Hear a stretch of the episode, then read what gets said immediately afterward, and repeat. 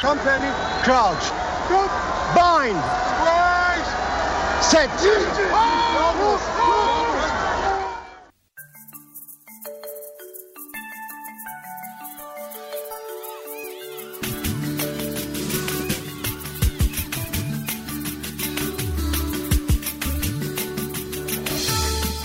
Die 2003 Rugby Wêreldbeker in Australië.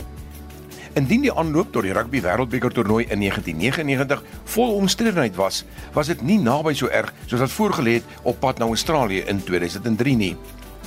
Rudolf Strauly was die afrigter van die Springbokke na Harry Viljoen wat nie sy termyn voltooi het nie nadat hy Nick Mallet vervang het, maar die tekens was nie belovend nie.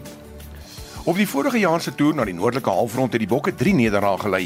Dit het 'n rekord nederlaag van 10-30 teen Frankryk in Marseille ingesluit. En ons verloor 6-21 teen Skotland in Edinburgh voordat ons behoorlik afgestop was met 53-3 deur Martin Johnson se Engelse span op Twickenham. Die Springbok toerspan was erg uitgedun weens beserings, maar dit was 'n onheilspellende voorloper omdat die Engelse in Suid-Afrika se groep geloot was in Australië. Die ander spanne in hulle groep was Uruguay, Georgia en Samoa wat dit maklik gemaak het om uit te werk dat die verloorder van die Springbokke teen Engeland se groepwedstryd sou uiteindelik teen die All Blacks in die kwartfinale moet speel. In Julie maand, 3 maande voor die toernooi, het die Springbokke ook 'n vernederende nederlaag van 16-52 teen die All Blacks op Lottersversveld beleef. Maar hierdie op die veld terugslag was maar baie klein as dit opgeweeg word teen die van die veld af verleenthede.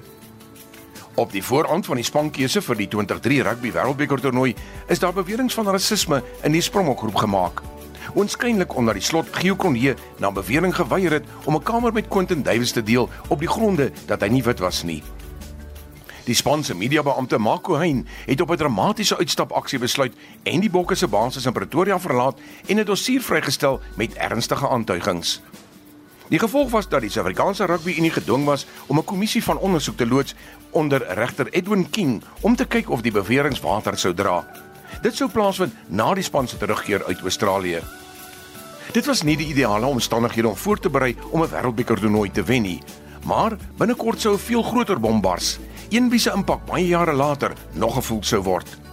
Maar later meer hieroor, want in die vroeë dae van die Wêreldbeker toernooi het die fokus gegaan oor hoe die Springbokke die sielkundige letsels wat hulle gelei het teen Engeland sou probeer uitwis na hulle eerste nederlaag in die geskiedenis teen Martin Johnson se manne.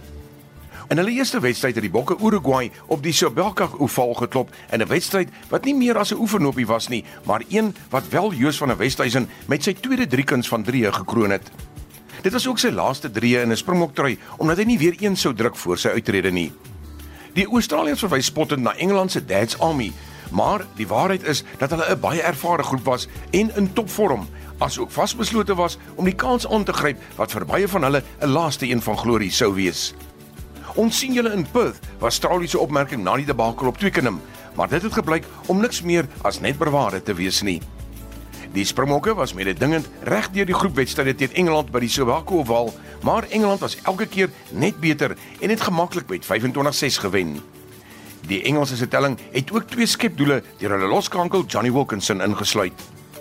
John Smith word die eerste keer kaptein van sy land in die Bokke se volgende wedstryd teen Georgië. Hy was die 51ste Springbok kaptein. Skalk Burger maak sy debuut van die bank af en druk 'n 3 in die wedstryd. Daar was baie spekulasie van nog 'n ander oorlog teen Samoa na die vele voorvalle van vuilspel in die kwartfinale op Ellis Park in 1995. Maar met Joe van Niekerk wat sorg binne die eerste 2 minute 'n 3 druk, was daar nie veel teestand nie. Teen rustyd was die Springbokke met 31-3 voor en daar was bemoedigende tekens van die gehalte van die spel wat hulle in staat gestel het om te wen met 60-10. Maar die weg was gebaan in Perth vir 'n kwart eindronde kragmeting teen die All Blacks om gespeel te word in die Telstra Dome in Melbourne. Straulie besluit dat die pad na 'n oorwinning was deur middel van swaar artillerie en hy kies 'n massiewe pak wat ingesluit het Johan Smith, Daniel Rousseau, Victor Matfield, Bakkies Botha en John Smith. Vyf spelers wat later die soet van die Wêreldbeker sou ervaar. Die All Blacks was gans te goed vir die Bokke. Die manne in swart gryp vroeg inisiatief en dis Carlos Spencer wat aan die stuur van sake was en hulle druk 3-3 en wen met 29-9. Die Springbokke was uit die toernooi en moes hulle sakke pak om uit toe te kom. Maar gou was daar woede in die kamp met die nuus wat gebreek het oor die skokkende metodes wat gebruik was om voor te berei vir die Wêreldbeker. Die naam Kamp Staldraad weer galm op die nuus en in sportprogramme toe die besonderhede uitlek van die militêre styl kamp wat gehou was. Spelers was onderwerp aan skandelike vernedering om hulle te help om 'n hegte band te probeer smee wat hulle kampdag sou gereed maak vir die rugby wêreldbeker toernooi.